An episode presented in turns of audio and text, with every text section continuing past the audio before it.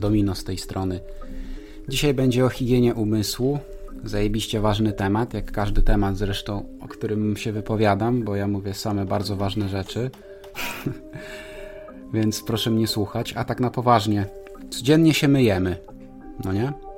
Tak zakładam. Chociaż podobno częste mycie skraca życie i zmywamy naturalną warstwę lipidową, więc nie jest wcale tak zdrowo myć się codziennie. No ale dobra, myjemy się codziennie. Zakładam, że spora część z nas, z Was dba w jakiś sposób o siebie. Czy to sobie ćwiczy na siłowni, czy jakiś sport uprawia, czy zdrowo się odżywia, chodzi na spacery, jeździ na rowerku. No nie wiem, dbamy o formę fizyczną. Powinniśmy przynajmniej, mniej lub bardziej. A jak jest z głową? Czy dbamy o naszą głowę? Wydaje mi się, że bardzo mało osób umie w ogóle odpoczywać. I nie przywiązujemy zbyt dużej wagi do tego, w jakiej kondycji jest nasz umysł. No a prawda jest taka, że nasze zdrowie umysłowe i kondycja mentalna mają bezpośredni wpływ na nasze zdrowie fizyczne. I doskonale wiemy o tym, że stany emocjonalne, takie jak lęk czy choroby, takie jak depresja, wpływają na nasze ciało. I aby cieszyć się zdrowym umysłem, należy zwracać na uwagę na czynniki, które normalnie umykają naszej uwadze. Niektóre z nich jesteśmy sami z łatwością rozpoznać, ale mimo to nadal nie uwzględniamy ich w naszym życiu. I prędzej czy później przyjdzie nam jednak zapłacić za pewien rodzaj ignorancji. Zastanówmy się teraz tak na poważnie, jak dużą część naszego życia spędzamy w teraźniejszości, w tym co jest tu i teraz i na docenianiu małych rzeczy. No niewielką, prawda? Większość czasu jednak poświęcamy na myślenie o przyszłości, o tym co będzie i zamartwiamy się jak to będzie.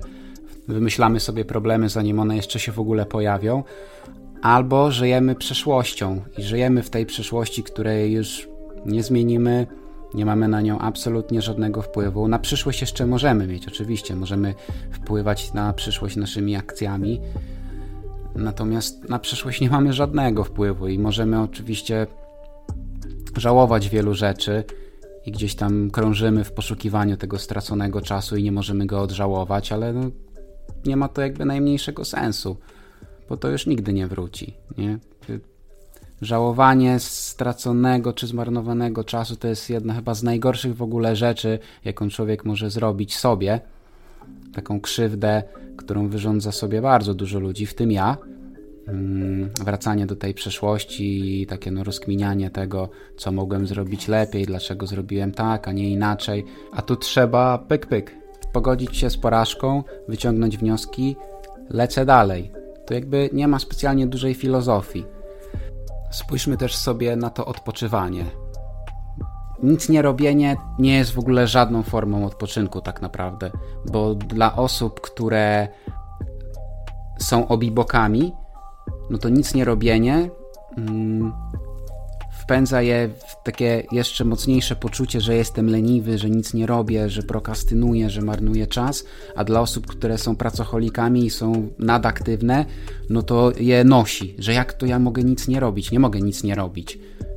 I, i też ma w głowie tą myśl, że kurde, no muszę coś robić, nie mogę tak siedzieć i nic nie robić. No więc nic nie robienie nie jest dobrą formą odpoczynku tak naprawdę. Drzemki to też nie jest odpoczynek. To jest fajna forma regeneracji, ale odpoczywanie jest czymś więcej. Odpoczywanie to jest skupienie się właśnie na jakiejś jednej konkretnej czynności i czerpanie z niej maksymalnej przyjemności. Czyli bycie bardzo uważnym. I tutaj właśnie chciałbym wspomnieć o mindfulnessie. Nie wiem, czy ktokolwiek z Was zetknął się z tym terminem, ale mindfulness jest tłumaczone jako uważność od angielskiego słowa mindful, czyli uważny. W dosłownym takim bardzo tłumaczeniu, no to jest pełnia umysłu, wypełniony umysł. To jest taki stan świadomości, będący wynikiem intencjonalnego i nieoceniającego kierowania uwagi na to, czego doświadczamy w chwili obecnej. Także inaczej mówiąc, to takie celowe, świadome bardziej, bym powiedział, mm, skierowanie swojej uwagi na to, czego doznaje się w danej konkretnej chwili, tu i teraz. Nie wybieganie w przyszłość, w przeszłość. Człowiek doświadcza czegoś w danym momencie i nie myśli za bardzo, co to oznacza. Jakby delektujesz się tym, że jesteś, nie? Takim po prostu byciem. I to jest naprawdę niesamowity rodzaj doświadczenia. Pierwszy raz zostało mi to przedstawione przez moją panią psychoterapeutkę. Pozdrawiam serdecznie. I przyznam szczerze, że nie robiłem na początku tych ćwiczeń. No, nie wiem, nie wierzyłem w to trochę. Nie wierzyłem, że mogę, ale z czasem, kiedy zacząłem bardziej się temu poświęcać, to zauważyłem, że to daje ogromne korzyści. Naprawdę, gigantyczne. Bo to jest taka forma medytacji, w której człowiek doświadcza czegoś w danym momencie, ale nie myśli za bardzo, co to oznacza, nie zastanawia się nad tym, tylko wycisza emocje i odsuwa umysł na bok, tak by mógł skupić się na doświadczeniu chwili obecnej, by mógł przyjmować i postrzegać docierające do niego informacje tak jasno i klarownie, bez żadnego ładunku emocjonalnego i nie przez żaden gdzie taki filtr ukształtowanych wcześniej poglądów czy naszych zniekształceń poznawczych. No tak naprawdę każda medytacja, czy to zazen, czy vipassana, skupia się na tym samym, dąży do tego samego. I one też wszystkie wywodzą się z buddyzmu. Tak więc łączy je ten wspólny mianownik uważności zaglądania w głąb siebie, oczyszczenia umysłu. No więc my w tym zapierdalającym świecie bardzo łatwo się gubimy i skupiamy swoją uwagę tam, gdzie nie trzeba. I zapominając o tej teraźniejszości, no dochodzi do zaburzenia wewnętrznej równowagi emocjonalnej, a co za tym idzie, no do rozwoju zaburzeń lękowych, a nawet depresyjnych. Także tutaj follow-up do pierwszego epizodu. No ale dzięki treningowi uważności można naprawdę osiągnąć tą wewnętrzną harmonię i nauczyć się sztuki koncentracji i relaksu oraz tego, jak radzić sobie ze stresem, jak zmniejszyć napięcie nerwowe, wypracować w sobie umiejętność uspokajania się, kiedy pojawi się gniew lub zdenerwowanie, taki wkurw. No, chociaż ciężko mi sobie wyobrazić człowieka, który jest w totalnym rage'u i nagle siada ze skrzyżowanymi nogami i zaczyna medytować. Ale człowiek, który jest w równowadze emocjonalnej raczej nie wpada w takie wkurwy, także jest to sytuacja mocno abstrakcyjna. No i dzięki tej uważności czy medytacji my się uczymy czerpać energię z życia i cieszyć z prostych, nawet takich najbardziej trywialnych rzeczy, jak to, że nie wiem, no dzisiaj jest czyste powietrze. A to w sumie jest coraz bardziej luksusem w wielu miastach Polski, większych żeby mieć czyste powietrze. A naprawdę, ja nie potrafiłem bardzo długo doceniać małych rzeczy. Dla mnie wszystko musiało być patetyczne, wyjątkowe, z pompą, mm, oryginalne. A te wszystkie takie niuanse i te proste rzeczy, te proste przyjemności, te, te drobne chwile, no to, to jest esencja życia, tak jakby. Nie? I chociaż to brzmi trochę tanio, no to tak jest i każda osoba, która gdzieś tam doszła do tego momentu, w którym zdaje sobie z tego sprawę, no to wie o czym mówię. A osoby, które się z tego śmieją i które są jeszcze przed odkryciem tego, no to mam nadzieję, że kiedyś to zrozumieją. Ja uważam, że my powinniśmy więcej rozmawiać ze sobą, prowadzić takie wewnętrzne negocjacje, aby być dla siebie dobrym po prostu i wyrozumiałym bo każdy z nas ma takiego wewnętrznego, bardzo surowego krytyka, który wymaga od nas, znaczy przez którego my od siebie wymagamy, bardzo często zwyczajnie za dużo i nie potrafimy zwolnić, gdzieś stanąć z boku, odpocząć, zresetować się. Możemy mieć bardzo często do czynienia ze zniekształceniami poznawczymi. Czyli dajmy przykładowo taki mit, Y, że myśli nas określają i za nie odpowiadamy, a to nie jest do końca prawda. No my w przypadku, kiedy doznajemy jakiejś porażki, to umysł podsuwa nam negatywne myśli o nas samych. I możemy mieć taką reakcję, że jesteśmy źli, głupi, beznadziejni, i nasze myśli zamieniamy w fakty. Te automatyzmy myślowe no, nie mają często zbyt wiele wspólnego z rzeczywistością. Mózg jakby działa w dużej mierze autonomicznie. No, to jest narząd, który jest zaprogramowany w pewien określony sposób. I nie powinniśmy walczyć z naszą głową, tylko z nią współpracować.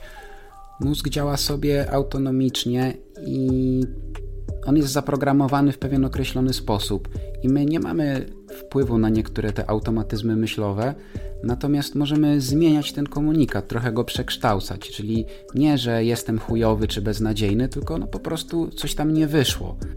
Przykładowo, nie jestem w pełni usatysfakcjonowany z poprzedniego epizodu podcastu, w ogóle z podcastu, który tworzę. Ale nigdy nie będę w pełni usatysfakcjonowany, bo ten mój chory perfekcjonizm mi na to w życiu nie pozwoli. Jeżeli będę starał się robić wszystko perfekcyjnie, to się prędzej czy później zajebie. Muszę też popełniać błędy i muszę tą metodą prób i błędów dochodzić gdzieś do tej doskonałości, mm, do której tak nie dojdę, bo to jest w ogóle niemożliwe. W życiu mi się wydaje, chodzi też o to bardziej, żeby gonić tego króliczka, a nie go złapać.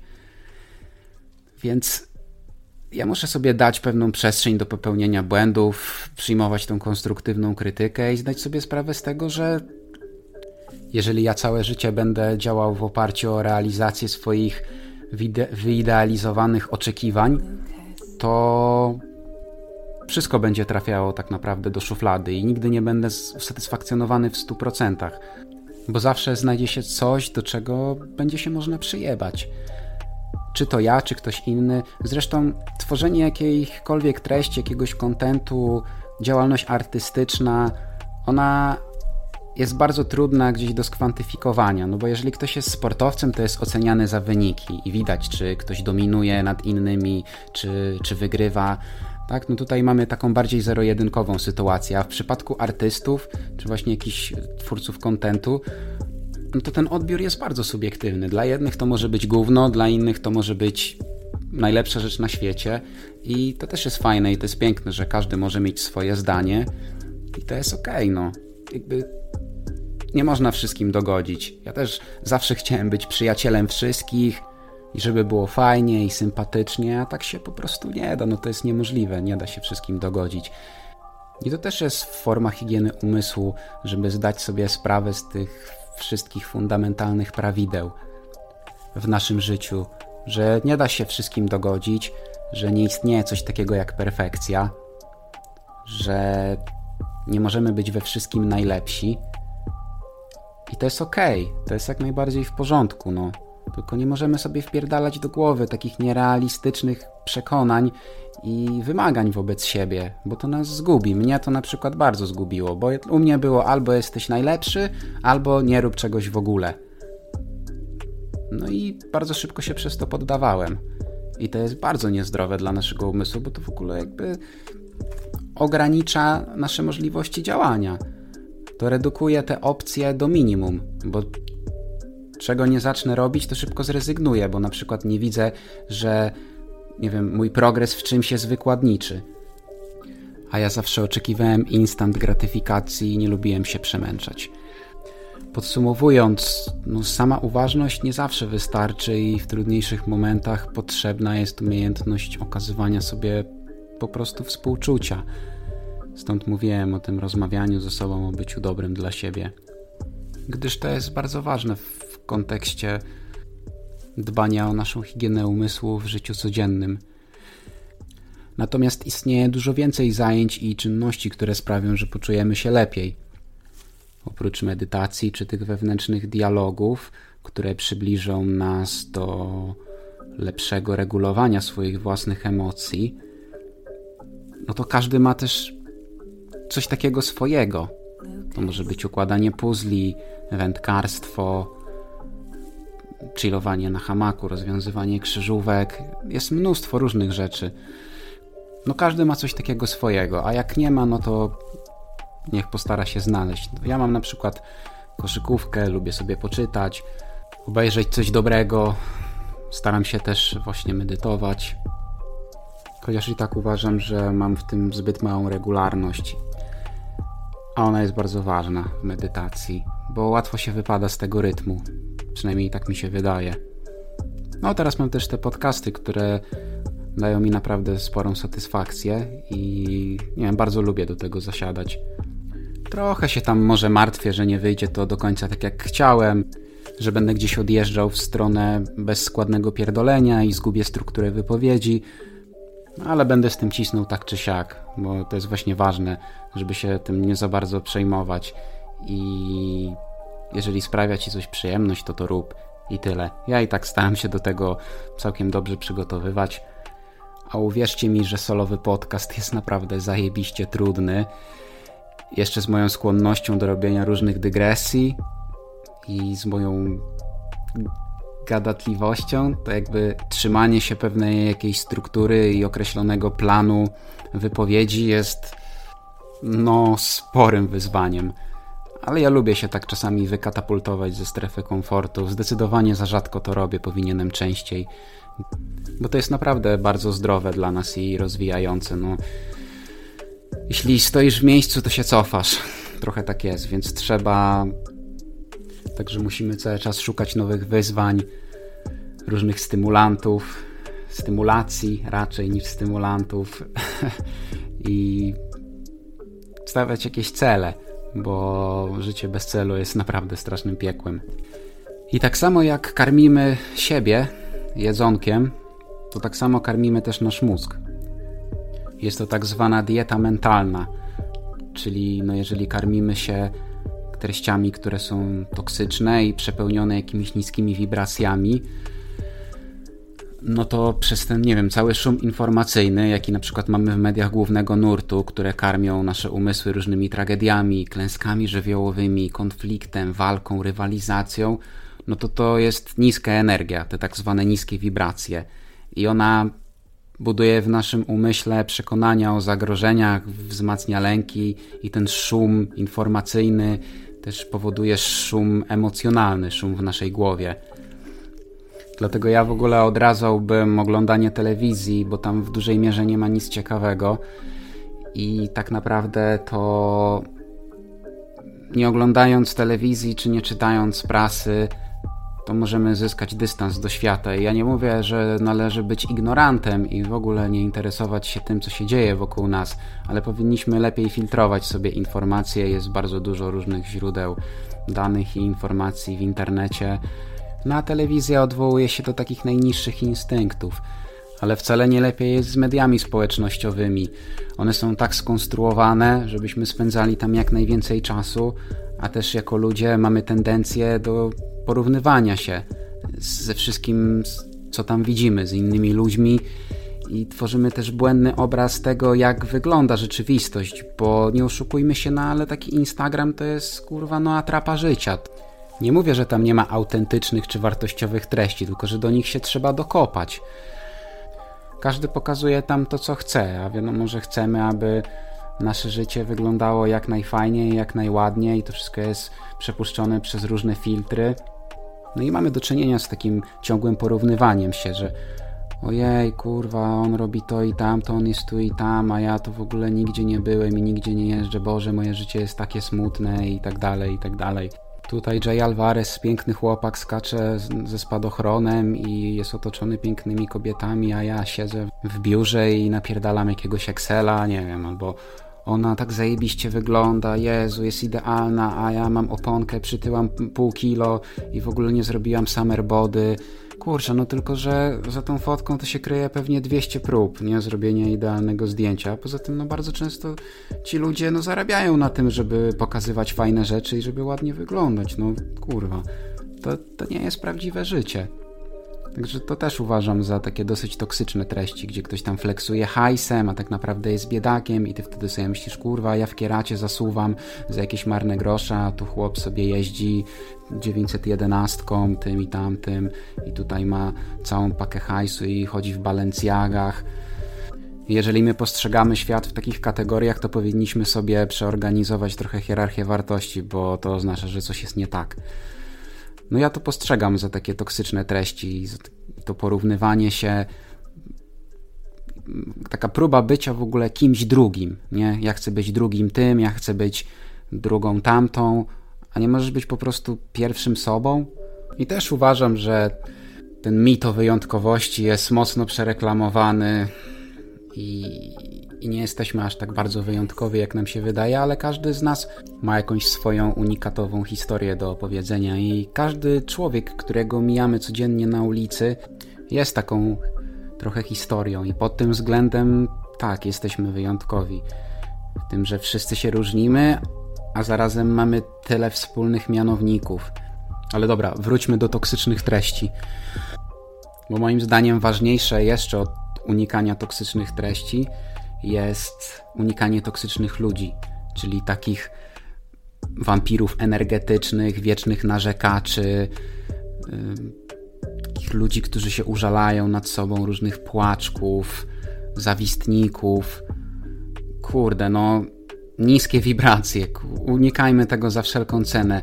Ja niestety przebywałem długo, dużo za długo w gronie toksycznych ludzi, przekonanych o swojej wyjątkowości, którzy traktowali ludzi z, z jakimś takim nieusprawiedliwionym i nieuzasadnionym poczuciem wyższości.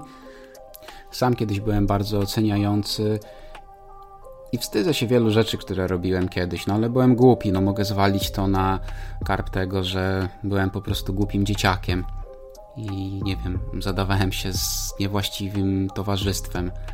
No ale obwinianie czy osądzanie innych to też są niskie wibracje. Jestem odpowiedzialny tylko i wyłącznie za swoje czyny i no wiedziałem co robię. Tak, no oczywiście mogę to zwalać na jakąś potrzebę akceptacji, na presję tłumu, ale jednak nie byłem dzieciakiem.